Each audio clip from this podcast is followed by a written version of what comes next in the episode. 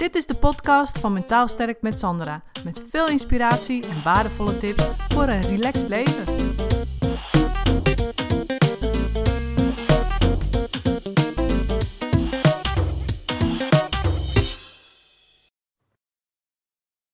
Oké, Ja. Ja, we zijn begonnen. Nou, welkom Lou. Vertel even wie ben je en wat doe je? Ik ben eh Lou Niestad. Ja. Ik ben ten eerste moeder en oma. Dat is denk ik mijn, eh, mijn belangrijkste job. Ja. Eh, daarnaast ben ik schrijver, illustrator. Ehm, ik noem mezelf graag een transformational writer en speaker. Zodat ik ook in de gaten heb dat als ik iets zeg, dat het iets is waar een ander ook wat aan heeft. Mhm. En waar je, ehm, dat helpt mij om te weten dat ik altijd een transformational writer en een, altijd een transformational speaker kan zijn. Ook als ik niet aan het schrijven ben, ook als ik niet aan het spreken ben. Want dat kan ik ook doen door een appje te sturen naar mijn kinderen. Dat kan ik ook doen door een briefje te schrijven aan de buurvrouw. Dat kan ik ook doen. Op, de, op die manier kan ik mijn life purpose heel snel vervullen. Ja, En, mooi. ehm, dus dat gebruik ik op alles en niet alleen op mijn boeken. Maar ik schrijf graag boeken en Ja. ik schrijf online eh, content voor cursussen. Ja, en wat is een beetje jouw biografie? Waar kom je vandaan? Heb je dit altijd al gedaan? Of... Als ik, als ik terug ga kijken naar heb ik dit altijd al gedaan, dan denk ik ja. Want ik was vroeger altijd in mijn dagboek aan het schrijven. Ik was vroeger altijd aan het lezen. Ik was vroeger Ja. altijd eh, plakboeken aan het maken. Mijn agenda's die stonden altijd helemaal Ja. zo. Eh, mijn kamer was behangen met posters. Ik was altijd overal songteksten uit aan het halen. Ik zat altijd klaar om eh, op record te drukken als er een muziek voorbij kwam en ik dan niet die DJ ertussen wilde. Dus dat was ik altijd al aan het doen. Dus als ik zo, Zo ga ging kijken, dat vroeger, ja, met die cassettebandjes. oh, oh. Oh, wat gedoe. Ja, ik weet het ook Nee, nog. maar weet je hoe cool dat was? Dat vind ik echt, Ja. ik hou er nog steeds van. Ja. Dus ik kan wel zien dat alle dingen waar ik nu nog steeds enorm door geïnspireerd raak, had ik, heb ik altijd gehad.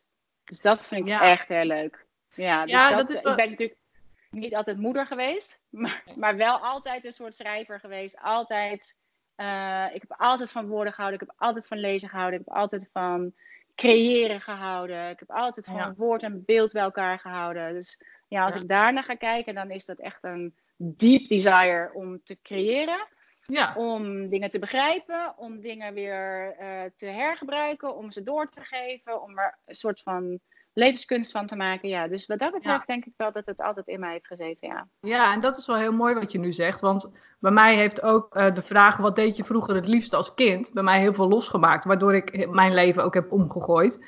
En eh, dingen ben gaan doen die ik vroeger gewoon als kind ook het liefste deed. Eh, oh, en cool. Ja, dus, dus bijvoorbeeld dat online initiatief, daar kan ik ook schrijven, daar kan ik fotograferen. En dan kan ik ook dat stukje creëren wat ik vroeger heel graag deed, ook tekenen. En ehm, daardoor ben ik dat dus gaan doen. Ben uit loondienst gegaan, mijn eigen praktijk begonnen en al die dingen. Maar ik vraag het wel eens ook aan mijn klanten. En dan zeg ik, wat deed je vroeger het liefst als kind? En dan komen ze op dingen zoals buiten spelen. En ja, we deden toen veel met vriendinnen spelen. Maar ja, wat moet ik daar nu dan nog mee? Weet je wel? En dat dacht ik in Oh, eerste instantie alles, ook. alles, Ja, precies. alles ligt daarin. Ja, Ja, dus hoe zie jij dat? Als je kijkt naar andere mensen die jij geholpen hebt. Nou, ik ben nog maar heel, nog maar heel recentelijk. Ehm, ik ben me nu heel erg aan het verdiepen. Ik ben een nieuw boek aan het creëren, Joyride to Freedom. En het is meer een soort ehm, roadmap naar. Het is een soort inner roadtrip. Dus dat je inderdaad op zoek gaat naar Ja. wat geeft me nou eigenlijk joy? Waar, wat wil ik nou eigenlijk? Weet je, voordat je eh, die hele berg opklimt en er bij het uitzicht komt en je denkt: Oh, is dit het? Ja. En dat je de hele dal in moet en de volgende berg op moet.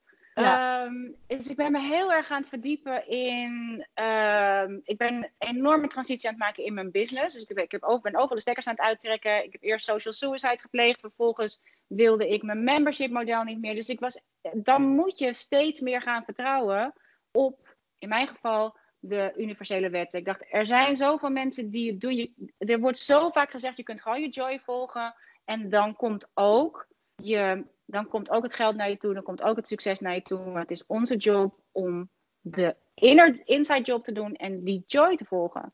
Ja. Dus ik ben me daar heel erg in aan het verdiepen. En daarin kom je ook terecht op je, eh, je conscious mind en je subconscious mind. Dus zeg maar je bewustheid en je onderbewuste. Ja.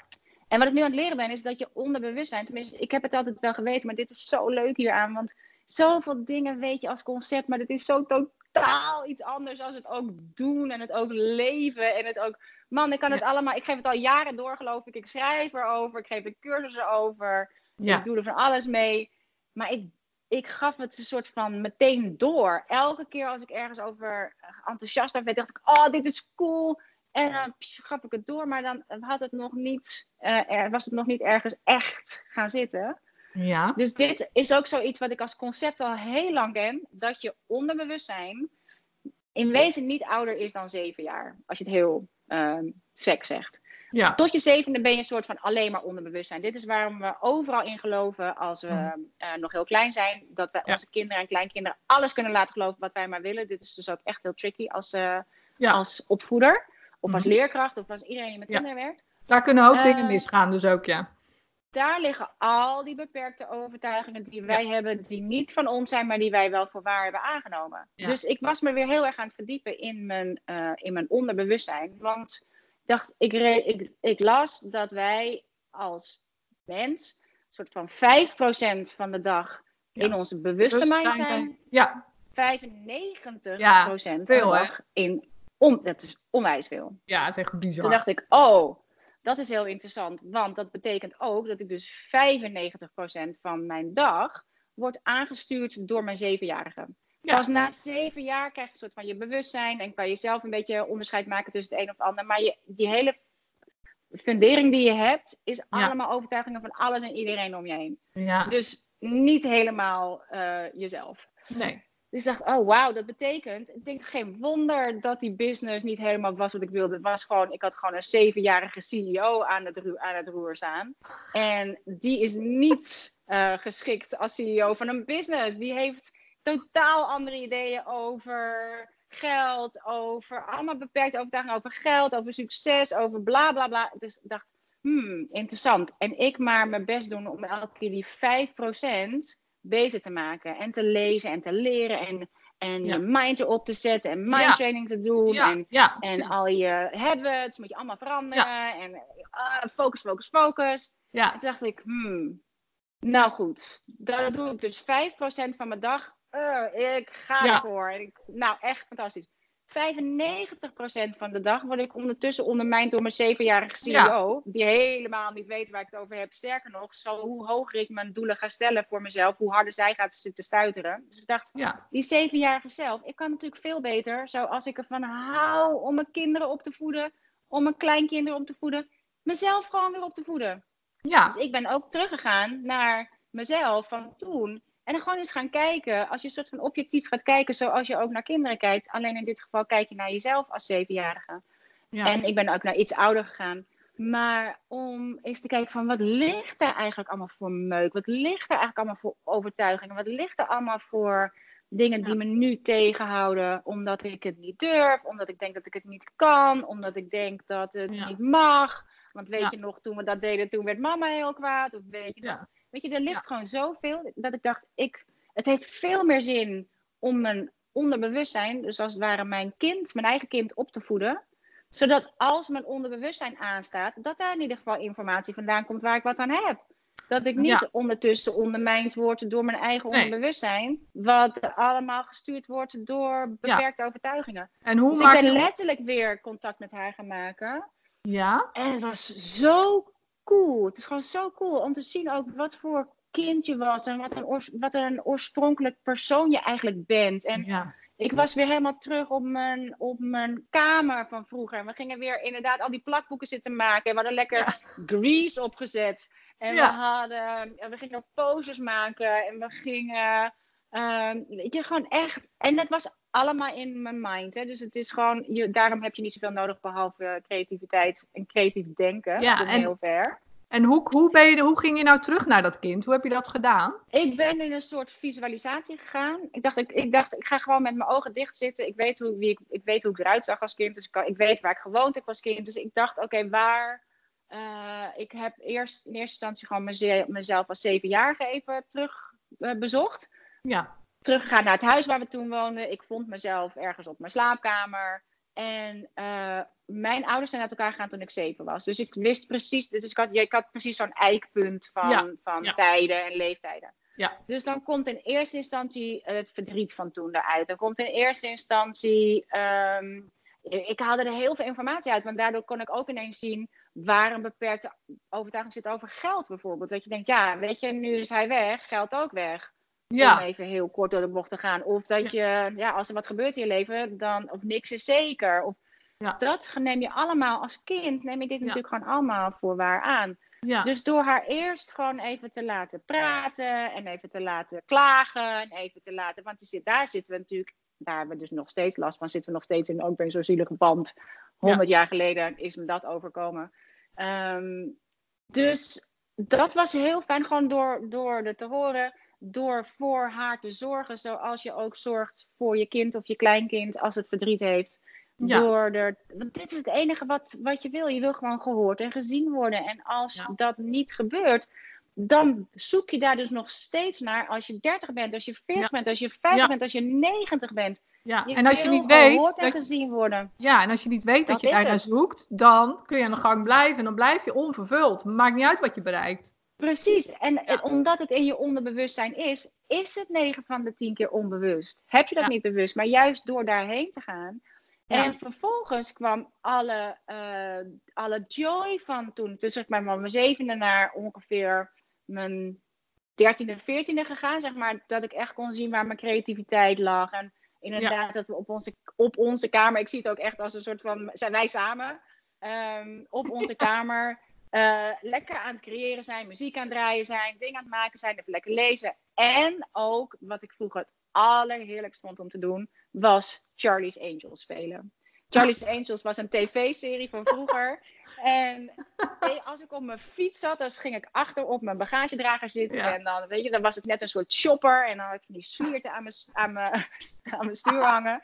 Dan waren we de Charlie's Angels. En toen dacht ik, hoe geestig is dit eigenlijk? De Charlie's Angels is een, was vroeger een tv-programma. Er is ook een, zijn ook films van gemaakt. Ja. Maar in wezen is er niks anders. Charlie's Angels die nemen opdrachten aan van een onbekende stem. Gewoon uit een, Ja. uit een, eh, een unseen guy. Ja. Daar nemen zij opdrachten vandaan. En dat mysterie lossen zij op. Ik doe nog steeds niet anders. Ik neem een opdracht aan van zeg maar even het universum, het idee. En dat mysterie ga ik oplossen. Ik doe nog steeds precies hetzelfde. Ja, En ik heb dan nu zeg maar een soort van mijn future self, van waar wil ik naartoe? Ik heb mezelf en ik heb mijn soort van mijn past self. Dus we zijn Ja. een soort van me, myself en I. En wij zijn met z'n drieën de Charlie's Angels. Wij nemen gewoon opdrachten aan van een Ja. guy. En wij gaan dat mysterie oplossen. Ja, Maar door die tijd met haar te besteden, mijn jongere zelf, is zo ongelooflijk leuk. En nu ga ik, neem ik haar mee op een artist date. Ik ben van de week weer naar eh, de Koninklijke Bibliotheek in Den Haag geweest. Daar Ja. hebben ze alle tijdschriften, boeken, alles wat in het Nederlands is uitgebracht, kan je daar inzien. ja. En ehm, dan kan je een reservering maken. Dus ik had gevraagd. En mijn absoluut favoriete tijdschrift vroeger was eh, van Bettina, was de Club. Man, dat was echt heer. Als die Ja. op, de, op, op de mat viel, oh halleluja, don't talk to me. Ja. Ik ben er niet, ik zit op mijn kamer met mijn tijdschrift. En daarin ligt namelijk heel veel van mijn creativiteit besloten. Want daarin hadden ze op een gegeven moment een, een, de, de clubs klussenklapper. Daarin kon je van alles maken, maar daarin stad was, kwam op een gegeven moment ook het dagboek van Pien.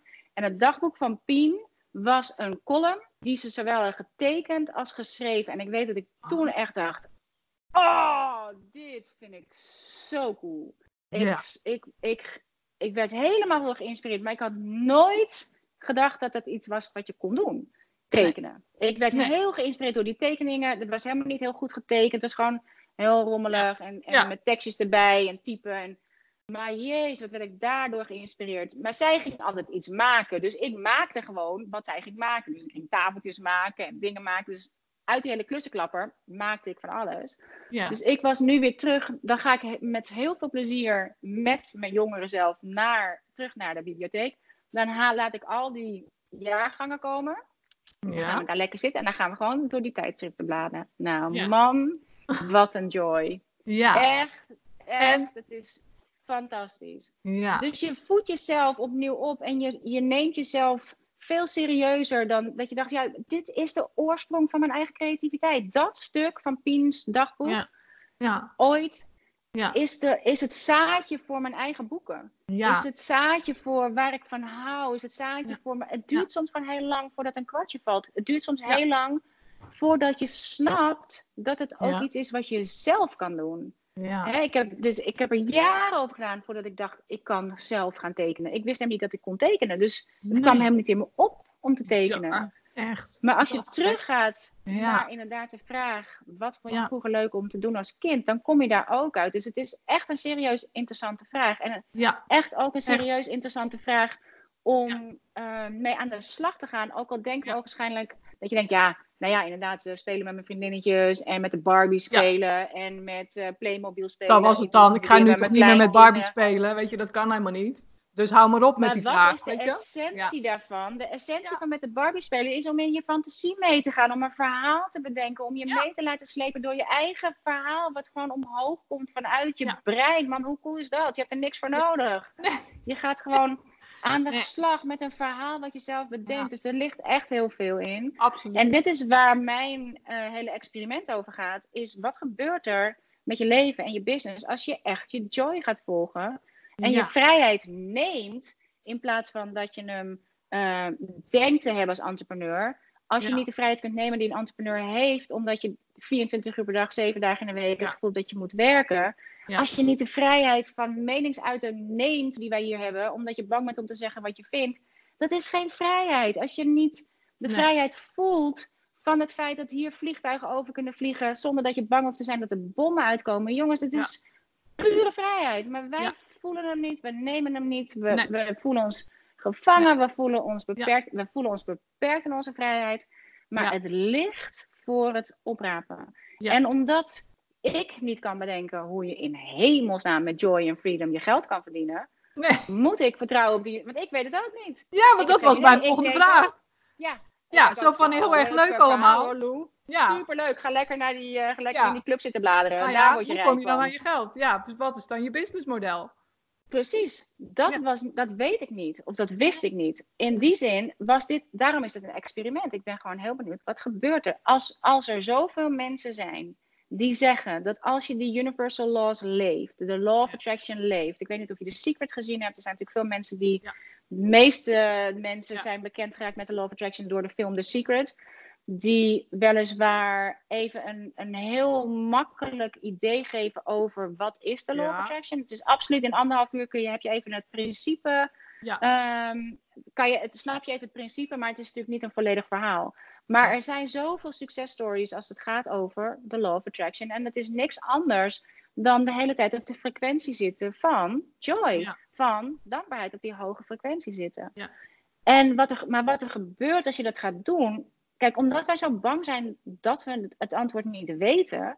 En omdat we zo bang zijn dat we wat te verliezen hebben. Dat we zo bang zijn. Daarom vind ik het zo fijn dat dit een experiment is. Ik heb gewoon gezegd, ik doe dit voor een jaar. Ik Ja. ga van 1 september 2018 tot 1 september 2019 Ja. geef ik mezelf permissie om te geloven in dat wat ik niet kan zien. Om Ja. te geloven dat het waar is. Om, om ervan uit te... Ik, ik, elke keer als ik denk, yeah, Ja, right. Dus, denk ik, ja, voor dit jaar geloven wij gewoon dat dit waar is. dus en dan doe je als daarna... zon- ja, dus dat doe je zonder de intentie om geld te verdienen.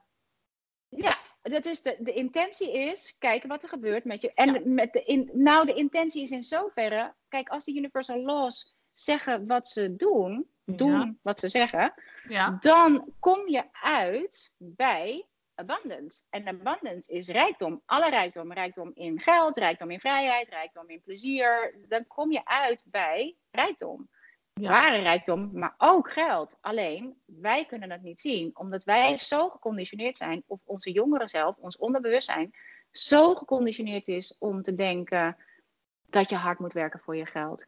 Dat voor niks de zon opkomt. Dat je gestudeerd moet hebben om wat te Ja. bereiken. Dat, je, dat zijn zoveel beperkte overtuigingen. Dit is die 95% die de hele tijd zich ermee komt bemoeien op het moment dat je keuzes gaat maken die, die eh, onconventioneel zijn, die, Ja. ehm, waar anderen een mening over hebben, waar je angst zich eh, mee gaat bemoeien. Maar dus het, daarom is het enige wat ik hoef te doen, is mijn jongeren zelf weer op te voeden. En elke keer als die angst omhoog komt, kijk, hoe verder je uit je comfortzone gaat en hoe verder je um, hem eruit trekt en, en je eh, gaat vertrouwen op iets wat je niet kan zien, Ja. hoe sneller zij omhoog komt. Hoe sneller zij gaat zeggen, ja, maar eh, dat kan niet. Hoe Ja. eerder ik door heb, daarom is het echt een inside job en daarom is het echt een inner roadtrip. Dat ik denk, oh, wacht even. Laten we even gaan zitten. Wat kan je wel geloven? Ja. En ook, ja, waar, waar zou je wel oké mee zijn? Kan, kan, je, hè, kan je ermee leven als we één dag in de week even iets totaal anders gaan doen? Als Ja. we, laten we zeggen, weet je, kan je ermee leven als we niet op iedereen antwoord geven, maar op eh, de helft? Ja. Eh, hè, want zeg ja, maar je kan niet opeens eh, nu niet meer in die business, want Nee. iedereen rekent op je. Nee. nou ja, iedereen, iedereen. Daar zou je er oké mee zijn als we beginnen met de helft of drie Ja. kwart. Waar kan je mee leven? En dan vervolgens gaan kijken van, hé, hey, maar heb je gezien, die heeft het ook gedaan. Ja. Gaat fantastisch. Die moet je kijken, man, wat die bereikt heeft. Gaat prima. Allemaal universal laws. Het zijn universele wetten. Als ze voor hen werken, zouden ze toch ook wel voor ons werken? Ja. Het is een experiment. Als Ja. het niet werkt, we hebben een jaar gezegd. Oké, ehm, we geven onszelf een jaar om eh, uit te proberen wat er gebeurt. En als na een jaar blijkt dat we helemaal aan de grond zitten, dat het allemaal helemaal gebaseerd was op, op gebakken lucht, dan gaan we dan toch weer terug naar onze P-brain en onze beperkte denken. Prima, dan mag jij zeggen met al die beperkte overtuigingen dat jij gelijk had. Ja. Maar ik Maar- denk dat je tegen die tijd Ja.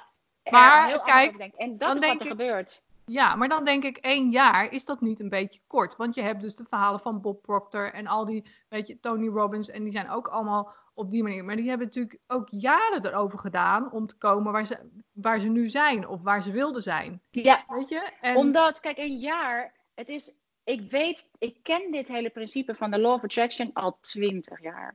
En dat is natuurlijk best een beetje confronterend, want ik had dit ook twintig jaar geleden kunnen doen, ja, toen ik er voor het eerst mee in aanraking kwam. En toen kreeg je in 2006, kreeg je The Secret, die er een naam aan gaf, ja, waardoor eh, het ineens eh, en meer mainstream werd, dus meer mensen wisten van de Laws of Attraction. Maar The Secret is heel erg gebaseerd op het vergaren van materiële dingen. Dat is niet per se waar mijn hart sneller van gaat. Nee. Ik hou van vrijheid en ik hou van simpelheid en ik hou van. Ja, innerlijke eh, vrijheid. dus ik werd daar niet heel erg door gestimuleerd. En ik vond Nee. het een beetje, eh, ik vond het daardoor, maar dit is een dikke vette eh, overtuiging en ook een oordeel, vond ik het een beetje oppervlakkig. Dat Ja. ik dacht, ja, dat is dus niks voor mij. Met andere woorden, ik weet, daarom, is, daarom bestaat overnight succes bestaat niet. Een jaar, kijk, ik weet al, ik geef les in deze principes. Ik ken deze principes al twintig jaar. Ik denk dat ik ze. Eh, ze zitten overal doorheen verweven, maar heel vaak een soort van per ongeluk. En dit experiment is een jaar van een experiment om ze te leven. En Ja. niet langer alleen maar te lezen en meteen door te geven. Dus Nee, het is niet een Ah, het. begin. Maar stel, het, jongens, je kan echt. Als je niet je mind meeneemt in dit avontuur, kan je instant manifesteren. Maar al die overtuigingen die wij hebben, die zorgen voor de vertraging daarin. Dus het kan, een, een jaar is eigenlijk super lang. Je kan het veel sneller doen. Ah, Alleen, ik wilde mezelf een jaar geven, omdat, dat, omdat ik het gevoel had dat ik moest eerst een business uitfaseren. Ik moest eerst. eh, ik, wilde, ik wilde ook gewoon die, de, het gevoel van tijd. Ja. En, eh, want anders, als je een tijdsdruk opzet, en dat doe je natuurlijk heel vaak ook wel met. ehm, eh, als je gaat leren manifesteren, heel veel prosperity teachers en die de Law of Attraction eh, ehm, teachen. Mhm. Heel vaak wordt je gezegd dat je een specifiek bedrag, een specifieke tijd, een specifieke. Maar voor mij werkt dat niet goed, want Nee, daar krijg ik stress van. Dan denk ik, Ja. ah ja, dan, Ja. ben ik constant ge- dan ben ik me constant bewust van. Ja. eh, Gefocust daarop, daar ja, ik denk ik, oh, ik heb het nog en, niet, ik heb het nog niet, ik Ja, heb het nog juist. niet. Ja, en dan manifesteer je dus wat je niet hebt. Dan ben je constant ge- gefocust op wat je nog niet hebt. Ja. Dit is nou precies wat je wil vermijden. Dus ik Ja. heb door mezelf een jaar te geven, in ieder geval de ruimte genomen om eerst er gewoon een beetje mee te spelen. Om eerst, ehm, eh, ja, je gaat een beetje met één been in en dan ga je er weer met één been uit. En dan ga je Ja. weer met één been in en één been uit. Ja. En wat ik nu merk, is dat die twilight zone waar je dan in terechtkomt, is eigenlijk een veel lastiger, eh, een veel lastigere plek om te zijn Mhm. omdat je, ik vergelijk het zelf met, ik, kijk, mijn boek is een soort roadtrip, een inner roadtrip. Het is een roadmap. Als ik snap hoe het werkt, dan kan ik het ook weer doorgeven. En dan maak ik er een roadmap van. denk oké, nou, ik ben hier gekomen door dit te doen. Ik ben hier gekomen door dit te doen. En dit is Ja. een roadmap. En dan kan je je eigen experiment doen. Ja. En ehm, voor, ik zie het elke keer voor me als, alsof het, zeg maar, het universum een soort grote GPS is. Als een soort van ehm, global purpose system. Het, Ja. dat, heeft het dat ziet het grotere geheel. Ik zie alleen maar, ik ben natuurlijk in mijn fysieke vorm, ja, gewoon hier waar ik nu ben. Ja. Ik heb niet het grotere geheel. Dus eh, om mezelf een beetje tijd te geven om op het juiste moment op de juiste plek te zijn. Als ik ervan uitga dat het universum voor me werkt en niet tegen me werkt, dan Ja. weet ik dat als ik ja, eh, misschien een beetje laat na 20 jaar eindelijk eens een keer aan het experiment begin, dat het in its own right time is. Dan is Ja. dat omdat er allerlei andere dingen ook Ja. in its own right time moeten komen, zodat wij elkaar ergens kunnen ontmoeten. Dan is Op- dat ook de, de, de wet van het universum geweest. Dat is de wet van het universum. En als je durft te vertrouwen op het feit dat, dat dingen. Het, het helpt heel erg om te zeggen, weet je, als dingen maar niet willen manifesteren, om te zeggen, het is nog niet gemanifesteerd. Ja, het is er ja. nog niet. Nee, In plaats van het lukt niet, het lukt. Het Ja. is er nog niet. Maar het gevaar Het bestaat is onderweg. Ja, maar het gevaar bestaat natuurlijk dat mensen achterover gaan leunen en gaan zitten wachten van, nou, kom maar op. Weet je? Kijk, er zijn Ja. natuurlijk een heleboel mensen, ook mijn, een beetje door de secrets, ja. Ja, en er zijn ook een heleboel mensen, zoals mijn volgers, die gewoon eh, moeten werken voor hun geld om het huis te kunnen betalen, om hun kinderen eten te geven. En die zoiets hebben van, ja, hallo. En dan moet ik ook nog met die law of attraction aan de gang, weet je? Dus, Ja, juist, ja. dan juist, ja. Ja, maar, hoe, hoe zou, wat zou je die mensen dan voor een advies geven? Want hoe kun je er dan toch mee aan de slag? Als je moet overleven, dat geld echt nodig hebt en noem Ja. maar op. En Wat doe je dan? More power to you. Want je hebt. Kijk, als ik ga kijken naar. ehm, eh, als ik die GPS aan blijf houden als, als metafoor.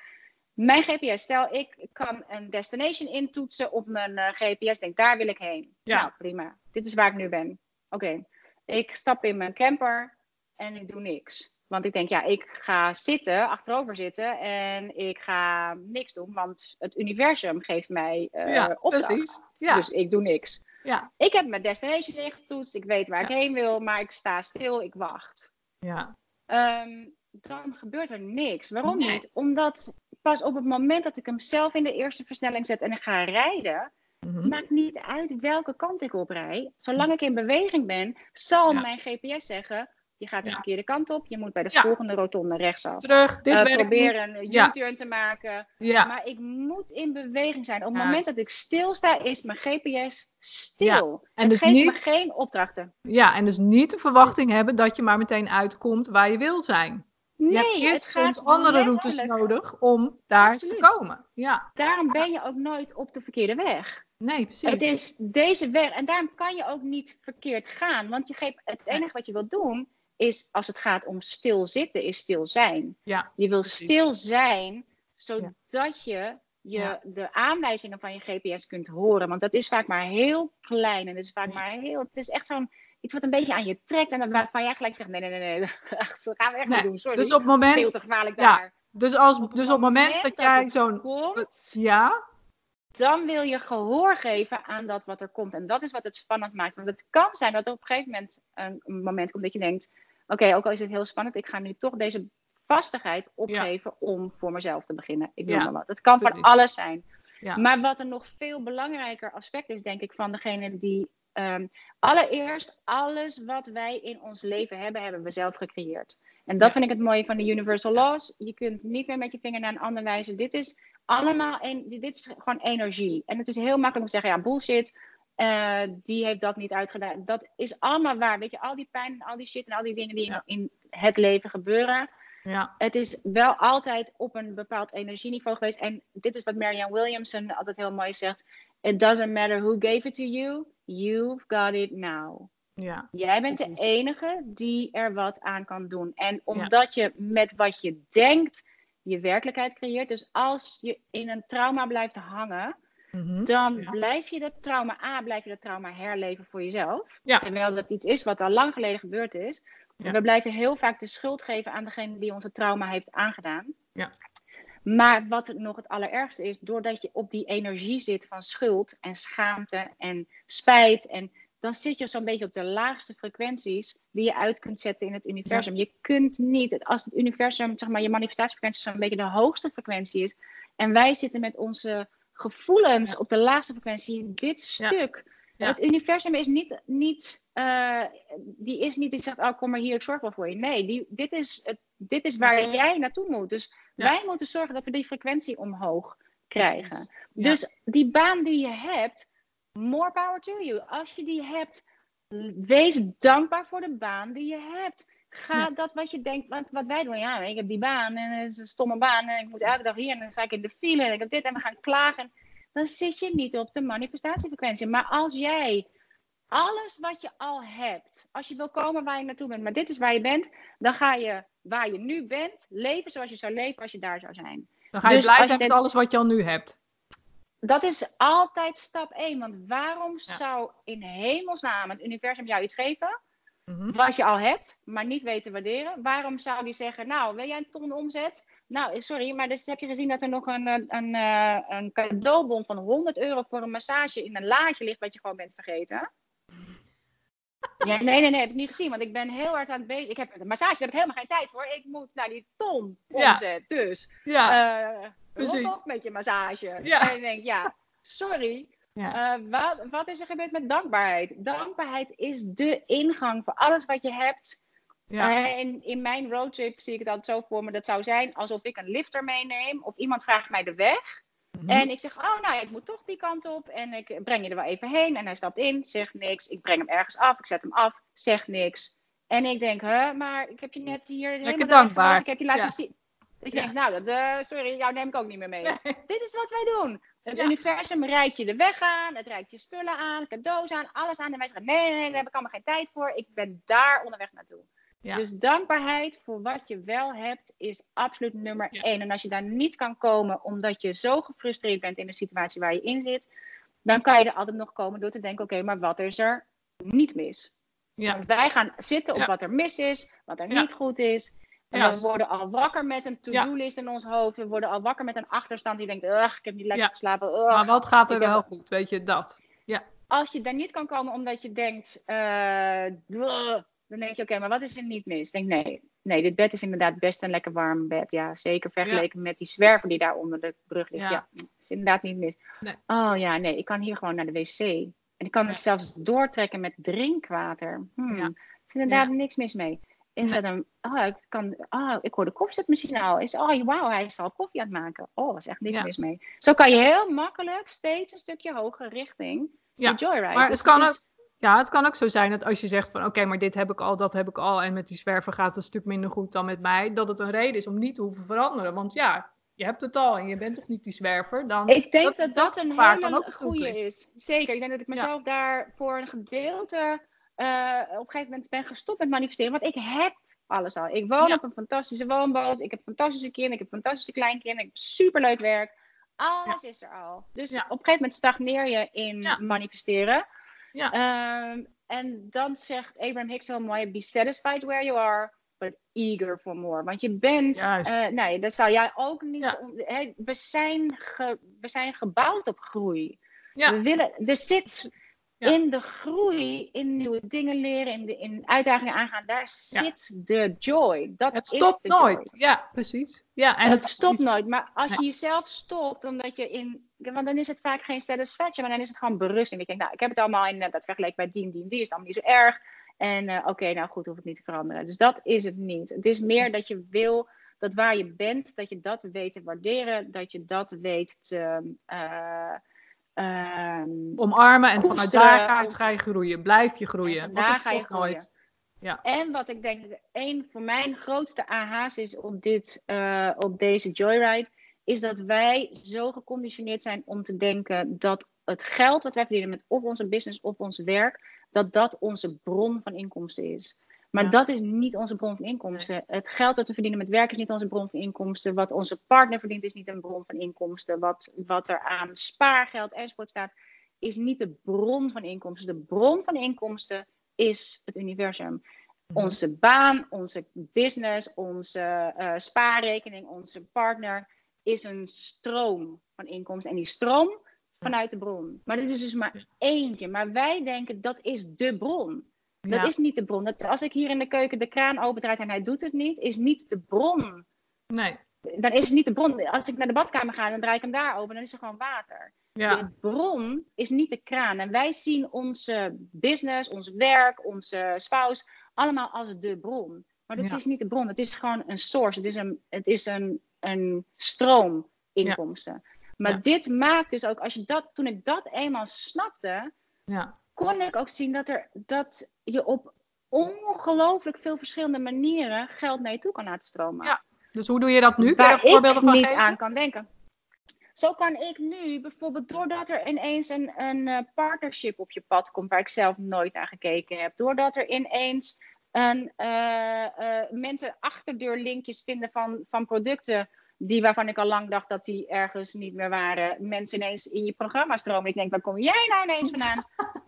Ja. Echt, het is bizar hoe je een, eh, of dat je ineens een belastingteruggave krijgt, of dat je ineens een, eh, een loterij wint, dat je ineens Ja. een erfenis krijgt. Het zit in hele gekke Maar nu dingen. noem je ook dingen die bijna een soort van spontaan gebeuren. Je hebt ergens dat linkje ooit eens uitgezet, dus dat is wel een actie geweest. Die komt nu terug. Maar het is je- altijd iets wat, Ja. wat een zaadje ehm, wat je geplant hebt ergens ooit, ooit is, die uit jouw actie voortkomt. Maar dat- het kan nog steeds ook totaal onverwacht zijn. Of hè, een belastingteruggave, je hebt weliswaar je verdiende loon betaald, maar blijkbaar te veel, of er is iets fout gegaan. Of Ja. eh, er zijn. Ik werd ook wel met, op het moment dat ik op mijn Joyride begon en dus mijn businessmodel, eh mijn stekker uit mijn businessmodel, was een membership model, trok ik de stekker uit. En ehm, dat er bondgenoten waren die zeiden: Oh, ik hoef nog lang niet te verlengen. Eh, want die hadden nog bierschool gedaan, nou, dat is bonus enzovoort. Ze maar ik ga nu alvast verlengen. Want ik wil meebetalen aan jouw trip naar Bali, waar ik heen ging voor een eh, manifestatieweek. Of een... Ja, dat dus het is generosity van mensen. Het is, Ja. eh, en je moet dus echt leren ontvangen. Want we zijn ook naar te zeggen: nee, nee, nee, nee, nee daar heb ik niet Nee, voor gewerkt. Dus nee. dat gaan we niet doen.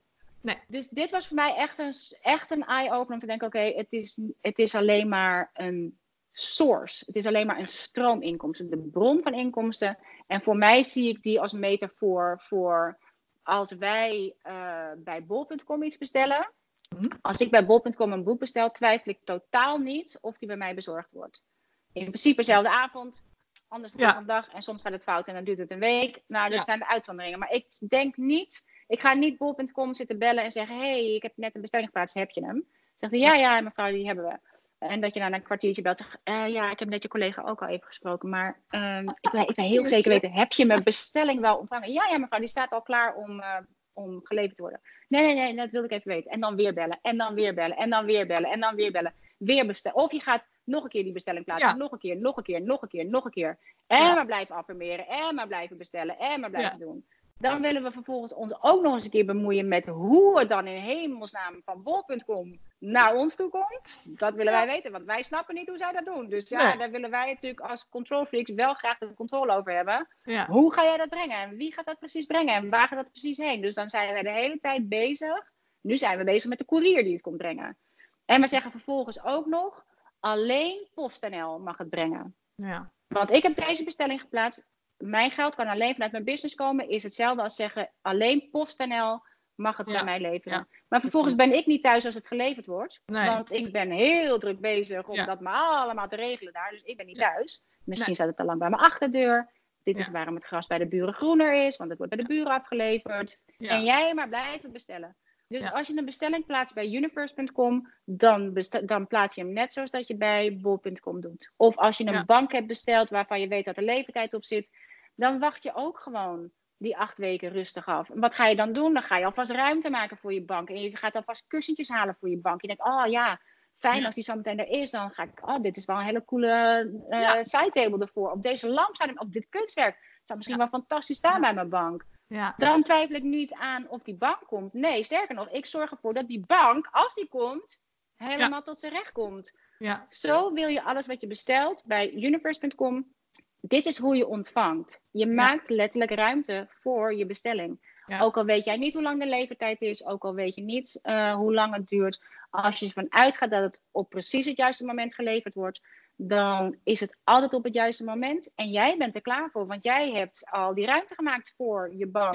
Ja. En jij bent alvast helemaal lekker gaan maken met de kussentjes die er dan opgaan. En de lampjes die er dan aankomen. En het kunstwerk wat er dan boven gaat. Jij bent al aan het leven alsof het er is. Ja, precies. En dat maakt, het, dat maakt dus ook dat de weg er naartoe zo joyful is. Ja. Want dan heb je het al. En als je vanuit die dankbaarheid kunt komen, dat is het allermooiste. Dan heb je niet meer.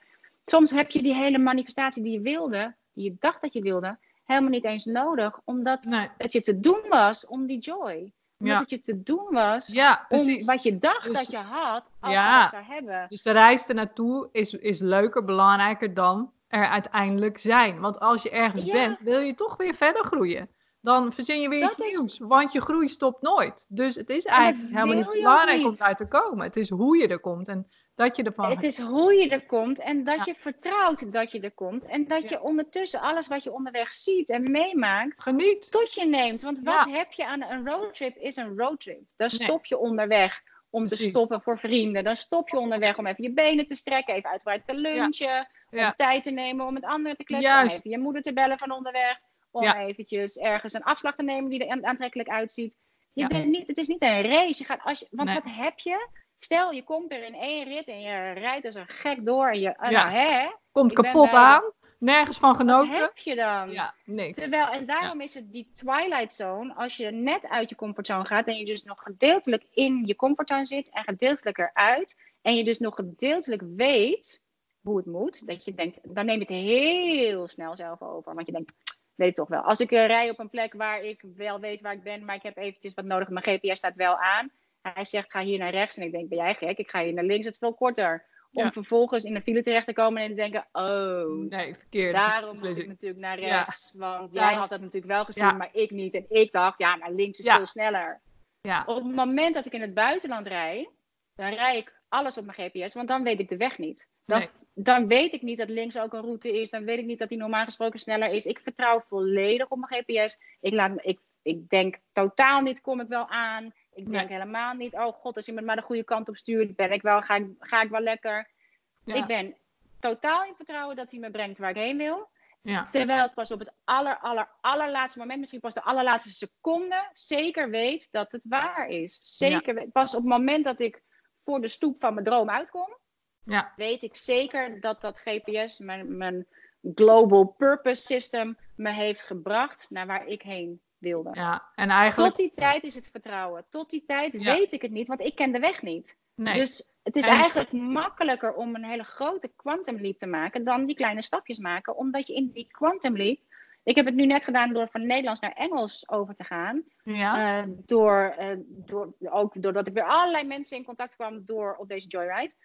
En dat je ineens in een wereld terechtkomt met mensen die je niet kent, met teachers van The Secret, met, uh, weet je, dat je ineens in een, dat je, dat je denkt, huh, wat, waar ben ik nou terechtgekomen? Ja. Ik ken hier de regels niet, ik ken hier de, ik weet hier niks. Ik vertrouw volledig op mijn GPS. Ik, ga, ik vertrouw volledig op het feit dat ik niet voor niks, op pas 20 jaar na dato, snap wat ja. uh, het, het is helemaal oké. Ja. Om vervolgens te connecten met de teachers die me ooit geleerd hebben. Heeft dus die tijd nodig gehad. Blijkbaar. Ja, dat is dus, simpel. Ja. Het is echt in its own right time. En als je daarop durft te vertrouwen dat het echt op, zij, op tijd komt. Ja. En dat je weet dat je die GPS, die stuurt je niet voor niks. En soms raak je van de koers af. En dat is 9 van de 10 keer omdat je zelf het stuur overneemt. 9 van de 10 keer. Kijk, het echte leven zal altijd voor de deur staan. Je kunt manifesteren wat je Ja. wilt. Je kunt plannen maken wat je wil. Je kunt verlangers eruit gooien wat je wil. En dan zal het echte leven voor de deur staan. Ja. Maar je kunt nog steeds zelf bepalen hoe je daarmee omgaat. Want als je ervan uitgaat dat alles op de route waar je op bent te maken heeft met Ja. uiteindelijk dat wat je wil manifesteren. Ook al denk je, ja, wat is dit voor grap? Of wat Ja. is dit voor pijn ineens op de... Ja, Er, er, er gebeuren ongelukken onderweg. Sommige Het is zijn ergens goed voor. Ja. Sommige zijn, zijn total losses. Er gebeuren ongelukken op de weg. Ja. En ehm, ja, dat is, als dat het is, dan Ja. is dat dus ook waarvan je denkt: oké, als dit gebeurt, dan ligt hier dus ergens mijn joy en mijn Ja. freedom. Want dit is het experiment. Waar is de joy? En zo is het ook natuurlijk met de belemmerende be- overtuigingen. Eigenlijk zijn dat boodschappen die jou iets vertellen Ja. over wat je eigenlijk dus wel nodig hebt of juist niet. Want eh, het is eigenlijk net als dat je je ergert aan iemand. Dat zegt altijd iets over jezelf. Dus een belemmerende overtuiging is ook iets van Ehm, nou, dat zegt dus iets. Het geeft je eigenlijk een boodschap. En wij, Ja. gaan, wij luisteren naar die belemmerende overtuiging. We laten ons daardoor sturen de verkeerde kant op. En uiteindelijk kom je niet uit waar je wezen wil. Maar als je die belemmerende ja, overtuiging dat kan gaan zien als een boodschap, dan is het Ja. wat anders. Dan kun je zeggen, oké, wacht even. Dus ik denk dat ik het niet kan. Dat is een belemmerende overtuiging. Maar wat is dan de boodschap die daaronder ligt? En dan is het die ook nog eens een keer tweeledig. Want als je niet bewust bent van het feit dat je dat denkt. Ja, En je bent je ook niet bewust van het feit dat je, dat je GPS je probeert bij te sturen. Maar wij hebben het niet in de gaten. Want we Nee. zijn heel gefocust met iets anders bezig. Dan Ja. weet je en niet dat je aangestuurd wordt door een besturingssysteem wat zeer verouderd is. ja, En niet dat het antwoord gewoon probeert. Het Ja. staat de hele tijd maar aan je jasje te trekken. Ja, de hele tijd maar op je deur. Dan denk je van, joe, Ja. je moet deze kant op. Probeer Ja. om te draaien. Maak een U-turn. Maar Ja. jij hoort het niet, want je bent bezig met iets anders. En Ja. je hebt niet in de gaten dat je echte besturingssysteem je zevenjarige zelf is. En dit is waarom, kijk, dit is, ik weet niet of jij het doet aan affirmaties en dat soort dingen. Help, daar geloofde ik nooit zo in, omdat ik dacht, ja, ehm, nee, hoe dan? ja, Ehm, dat hele hoe dan is überhaupt niet aan ons. nee. Ehm, maar wat ik nu merk, mijn jongere zelf houdt wel van rijm, van zingen, van... Ja. van eh, het zo vonden vroeger heel lekker om die tafels te stampen. Ja, Ehm, voor mensen die dat niet weten, het is gewoon vermenigvuldigen, maar dan op al die tafels die je Ja. in je hoofd moest stampen. ja, Ehm, je kunt maar één ding tegelijkertijd denken. Dus je kunt niet en je negatief voelen en een positieve affirmatie eh, nee, precies. voelen. Nee. Je kunt een, een positieve affirmatie in je hoofd afspelen, maar Ja. als je iets anders voelt, Nee, dan is er dus precies. iets anders gaande. En daarom zeg ik ook altijd van, daarom zeg ik, ik zeg altijd stop met positief zijn.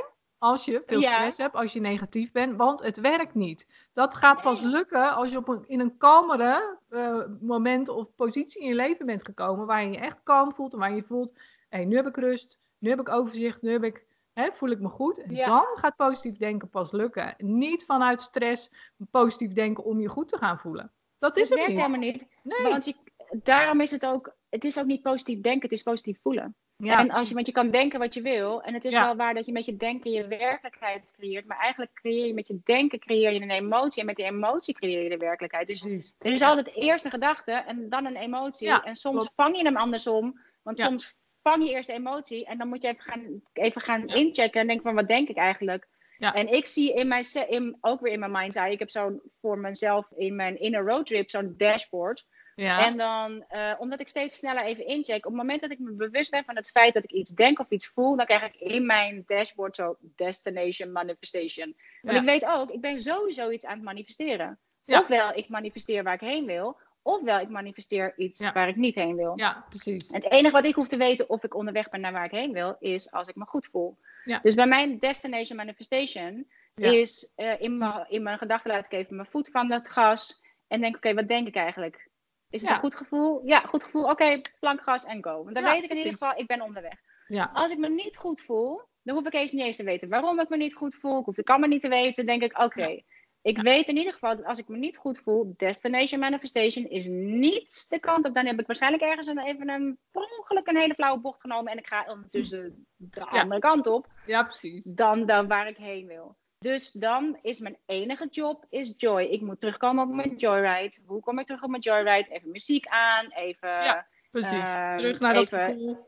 terug naar dat Ja, gevoel. En ja, dat precies. is mijn GPS. Dan ga ik die goede Dan ga je weer aan, dan ga je weer open, zit je weer in een hogere niche- niveau. Dan zit je er weer. Waar je het weer gaat Als voelen. het heel slecht is, als je je echt slecht voelt, ja, dan moet je gewoon even van de kant. Dan moet je even aan, de, aan de kant, even van de weg. Dan denk ik, oké, pull over, dit is useless. Want als ik nu blijf rijden, weet ik zeker dat ik veel verder bij mijn goal vandaan kom. Dan moet ik gewoon even mijn benen strekken, muziek luisteren. Even met de Eh, dieren spelen, eventjes eh, Iets heel zingen, dansje doen. doen. Ja, whatever. Maar Om terug te komen. anders. En dan Ja. denk ik, nou, dan kom ik toch een dag later aan. So Ja, bloody what. zo wat. Ja, precies. Hey, en geloof je ook Ja. in vorige levens?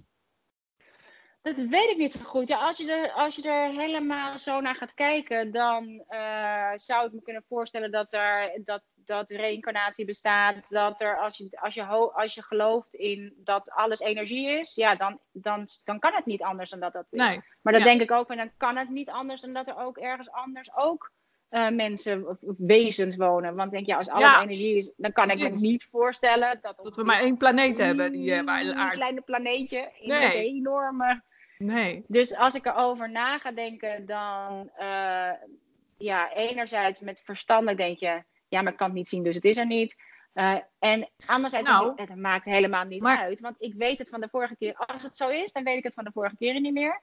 Als het niet zo is, stel ik ga dood. En er is geen hiernamaals, er is niks. Het is allemaal eh a lie. Dan maakt niet uit, want dan ben ik dood. Heb ik toch niet in de gaten. Nee. Als het er wel is, dan denk ik, oh, nou. Nou, leuk, het, kun je er verder. Als ik weer reïncarneer, dan weet ik het weer niet, want ik weet het nu ook niet. Dus Nee. eh eigenlijk maakt je- het helemaal niet uit. Ja, maar weet je wat het is? Ik heb zelf heel, een paar dingen die ik niet kan verklaren. Hè? Dus ik, ik ben heel erg geïnteresseerd in, in, in, in vroeger, vroegere tijden. Zwart-wit beelden, Ja. oude huizen. Weet je, dan kan ik echt doorheen lopen en, dan- en dan gewoon genieten. Ja. En, en, en dan voel ik iets en kan niet verklaren waar dat vandaan komt. Weet je, ik heb geen eh, ouders die heel erg geïnteresseerd waren in geschiedenis. Of weet je, dat, dat kan ik verstandelijk allemaal niet verklaren. Dus er zijn er nog een paar van die dingen. En vaak zeggen ze dan van, dat is dus een soort aanwijzing van dat er dus iets in je dat je een vorig leven ergens hebt ge- geleden in een oudere tijd. Of weet je, zo heb ik ook een hele fascinatie voor mensen die naar Amerika zijn geëmigreerd. Weet je, daar, daar lees ik Ja. ook over. En dan denk ik, waarom lees ik dit eigenlijk? Ja. Niemand doet het, maar ik wel. En het fascineert me enorm. We gaan vaak naar Hotel New York, weet je wel. Dan sta ik daar en denk, oh, die schepen gingen hier weg. En Ja. nou, al die oude foto's. En ik al die boekjes die daar liggen in dat museumpje. Nou, kan ik uren naar kijken. En denk, ja, idioot. Weet je, niemand doet dat. Maar dat Nou is vaak ik ga naar de bibliotheek van Den Haag voor dat gevoel. Ja, Alleen is het wel van dit leven. Maar ik denk dat dit precies is waar het over gaat. Dit is wat je wil volgen. Dit gevoel. Het, het gevoel komt je iets zeggen. ja. En het enige wat je hoeft te doen is dat gevoel volledig te omarmen. Nou, en, te voelen en te denken, Ja. wauw man. En dat is, en ik ga er dus ook iets mee doen, want er zit hier iemand in Zeeland die doet van die quantum leap sessions.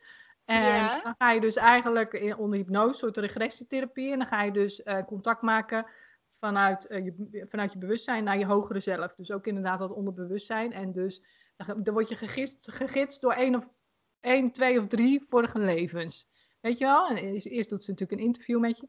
Maar dan denk ik, kijk, dat is heel interessant. Weet je, dan, want vaak, ik heb natuurlijk ook mensen die ik hier spreek en die kun je van alles leren en ze kunnen van alles anders gaan doen. Maar soms zit er altijd iets wat gewoon terug blijft komen. Weet je? Bijvoorbeeld hoogtevrees of zo, ik noem maar iets stoms. Weet je, daar komen ze dan niet Mhm. vanaf.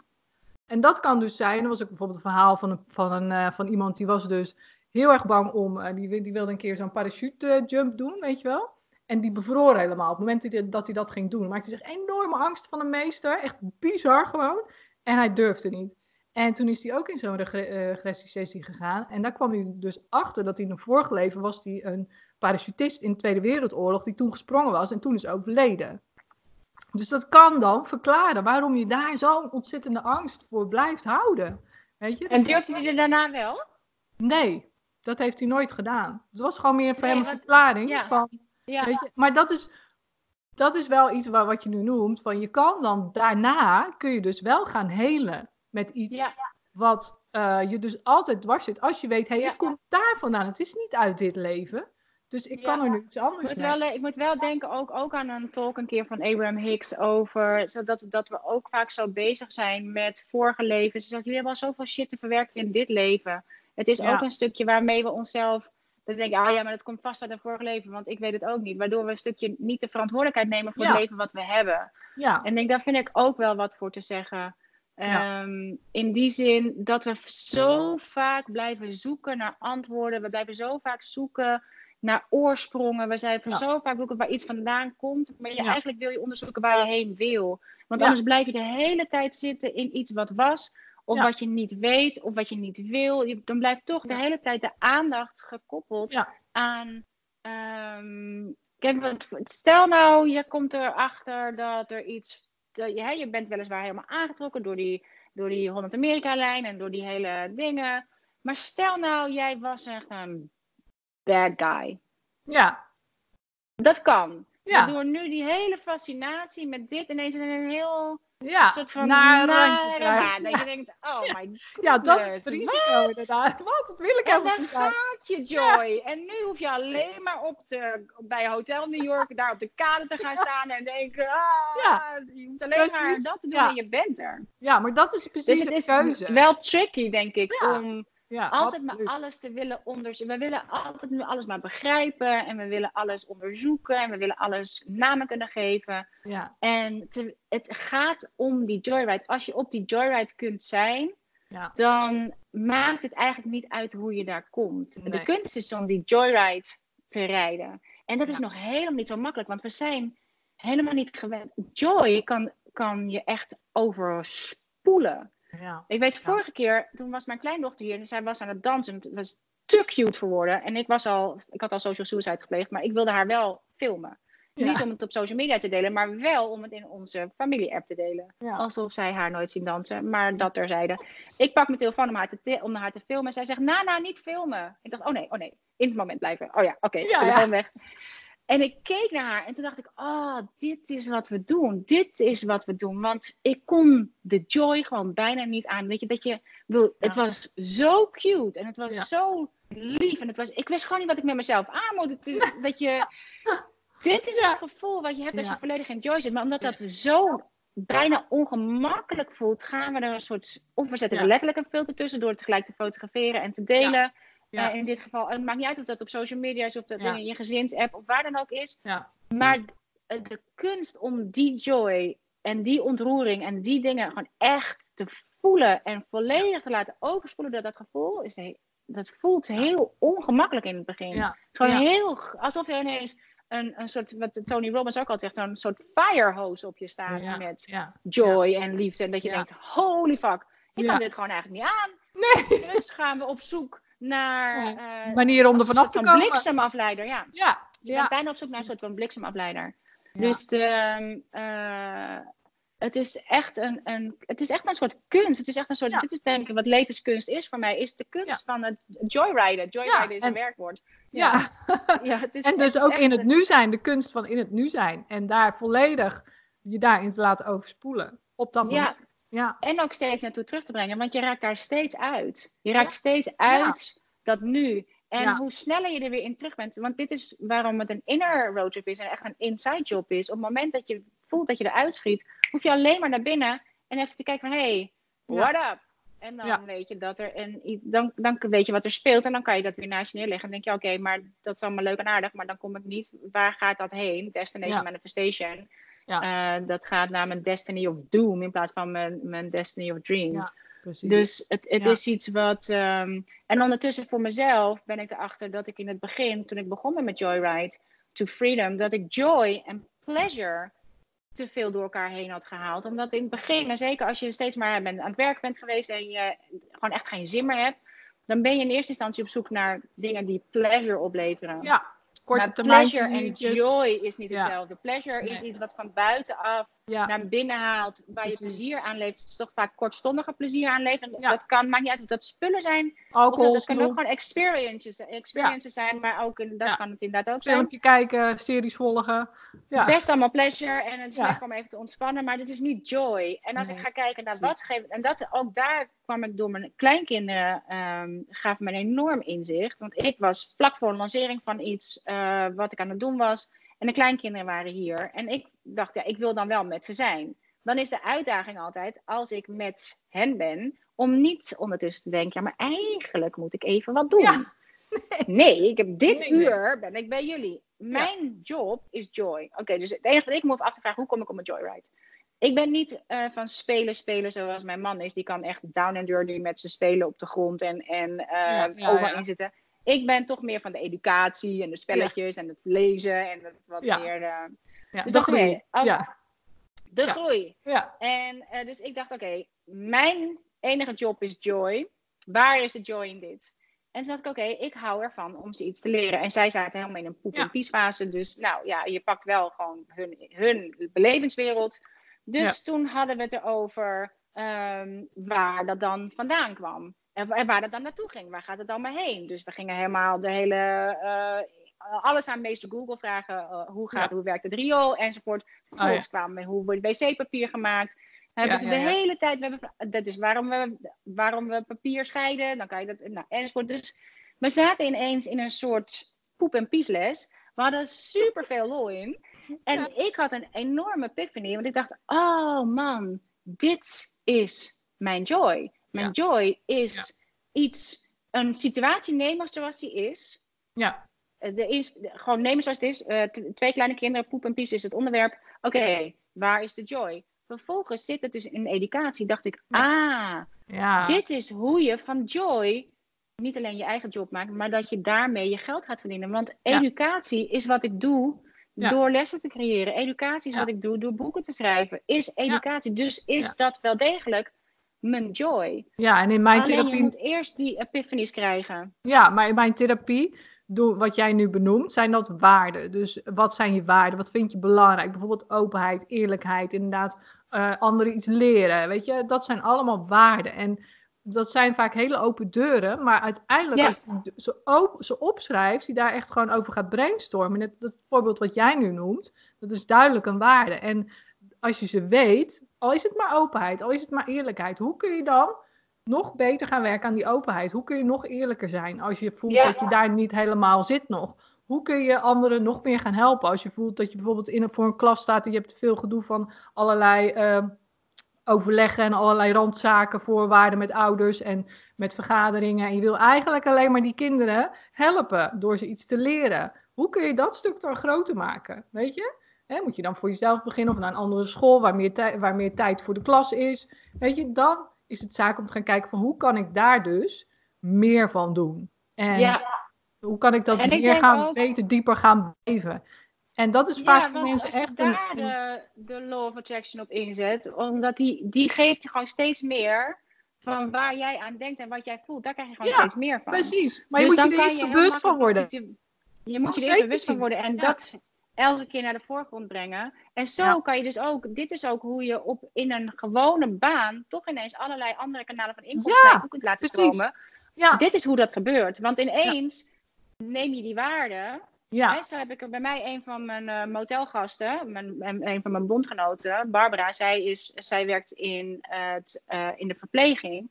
Ja. En zij heeft een superleuke baan, maar zij is eigenlijk in haar hart een schrijver. Dus zij is op een gegeven moment gewoon gaan schrijven voor de blog van het ziekenhuis. Vervolgens is dat weer opgenomen Ja, door een veel groter geheel. Vervolgens wint ze een prijs met dat schrijven en krijgt Ja. ze zo 1000 euro. Nou, dat. Vervolgens denkt Ja. ze, oh man, het werkt allemaal. Was ze de trouwring kwijtgeraakt in de, in de schortzak. Die ging in de was daar allemaal. En zij dacht, oh my goodness, die komt natuurlijk nooit meer terug. Zij de Law of Attraction erop gezet. Visualiseren dat als zij de jas terugkrijgt, dat de ring er gewoon in zat. En de ringen zaten erin. Het maakt niet uit. Je kunt, in, Nee. in, je kunt een moeder zijn, je kunt een verpleger zijn. Je kunt in, de, in, de, in de overheid werken. Het maakt niet uit waar je werkt. precies. Net als dat je je hoeft niet, weet je, je neemt niet, eh, je hoeft niet een gepassioneerd leven buiten jezelf Nee. te zoeken. Het is iets wat je Nee. meeneemt in alles wat je doet. Ja, absoluut. Dus die waar, als is- je weet wat jouw joy geeft of wat je waarden Ja. zijn, ja, dan is dat wat je gaat volgen. En dan ga je daar ook naar op zoek. Zoals je op zoek gaat Ja. naar je sleutels als je ze kwijt bent. Of je telefoon als je hem kwijt bent. precies. En dat, waar is de joy? ja, en dat is precies waar het ook vaak misgaat. Dat mensen de eerst denken dat ze iets groots en meeslepends moeten doen. Willen ze gelukkig zijn. Iets heel belangrijks of een hogere baan of promotie. Om dan, weet je, dat is het allemaal niet. Het is altijd zoeken naar wat is er al. Wat vind ik belangrijk? Wat zijn mijn waarden? En hoe kan ik daar meer naar gaan leven? En eh, bijvoorbeeld ook, ik had ook een keer zo'n zo'n wijkverpleegster. En die was eigenlijk alleen maar gefrustreerd met de teamcoach. Die niet zorgde dat de thuiszorgmedewerkers eh infusen op een goede manier konden aanleggen. Of weet ik wat. En toen zijn we ook gaan kijken naar wat vind je nou belangrijk? Wat, is, wat zijn nou je waarden in dat werk? Toen zei ze ook van ja, ik vind het wel heel leuk om diegene dat dus te gaan leren. Dus toen is ze dat gewoon gaan leren zonder toestemming van die teamcoach, maar gewoon om te zorgen dat het allemaal doorliep.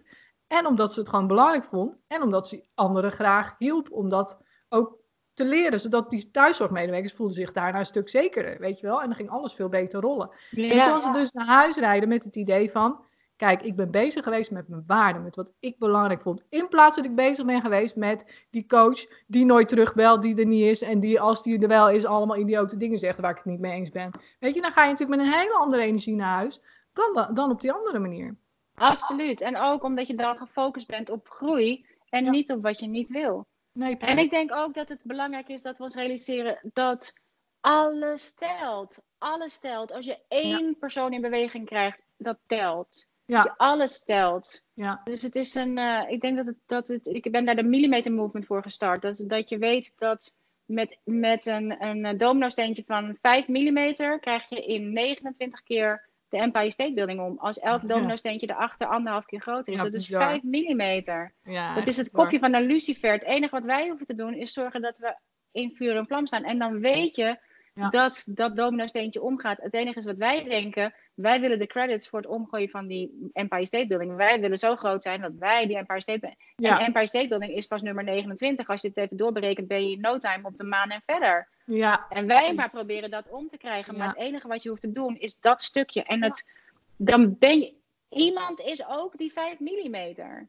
Dus als jij denkt, ja, maar Ja. ik ben niks waard, want ik ben geen Empire State Building. Nee, maar als jij een 5 millimeter bent, ja, dan, ben je heel belangrijk de movement. Ja, je bent precies. de movement. ja, absoluut. Dus als je weet hoeveel je daarmee in werking zet en dat je ook daarmee de, het gevoel hebt dat je van toegevoegde waarde bent, Ja. weet je hoe fijn het is dat er mensen zijn die thuis zijn om even Ja. met, een, met een eh, verdrietige buurvrouw een kop koffie te drinken. Weet je hoe fijn het is dat al die dingen, dat ze er zijn. Dat is, Ja. We zijn zo gefocust op succes, we zijn zo gefocust geraakt op geld, we zijn zo gefocust geraakt op status, Ja. dat we die dingen ineens niet meer belangrijk vinden. Terwijl dat de allerbelangrijkste dingen zijn van alle dingen. Want als Ja. het erop aankomt, is dat wat je echt wil. ja. En dan ben je zo weer terug bij je jongere zelf. Ja, Want dat is waar het allemaal om begon. ja, En je wil gewoon gezien en gehoord worden. ja, En dat geldt voor iedereen. precies. En op het moment dat jij dat gaat doen voor je eigen, onder, zeg maar je onbewuste, waardoor jij jezelf goed aanstuurt, dan maak je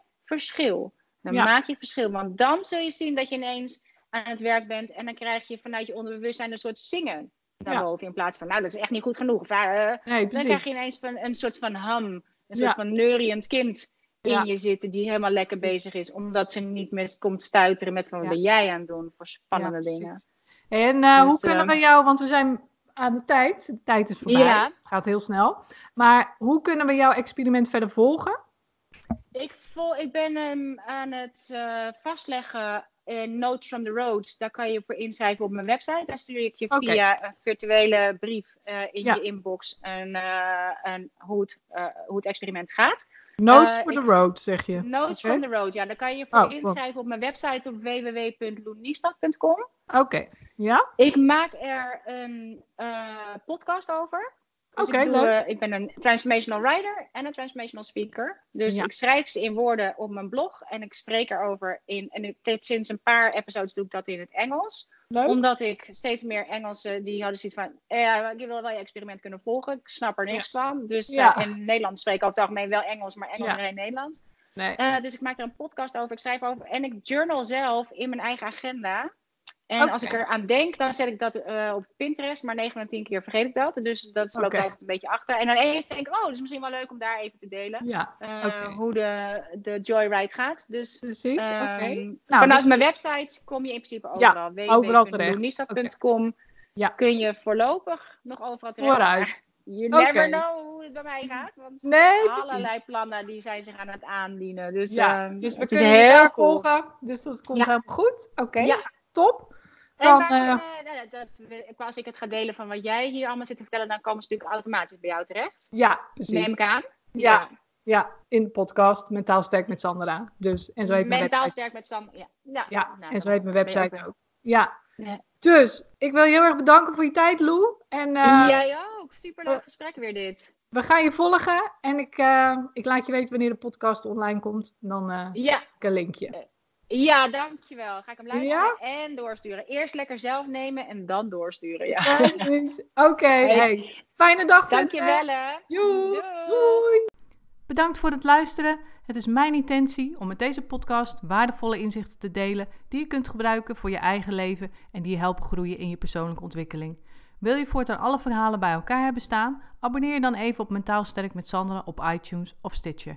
En ben je enthousiast over mijn verhaal? Dan zou ik het superleuk vinden als je een review achterlaat. Dat kun je doen in iTunes of Stitcher en geef je bij beoordelingen en recensies een korte review. En ben je echt enthousiast? Geef dan 5 sterren. Dat zorgt ervoor dat ik hoger in de ranking kom te staan en nog meer vrouwen kan inspireren tot een relaxter leven. Mijn dank is groot als je dat even voor me wilt doen. Tot de volgende keer bij een nieuwe uitzending.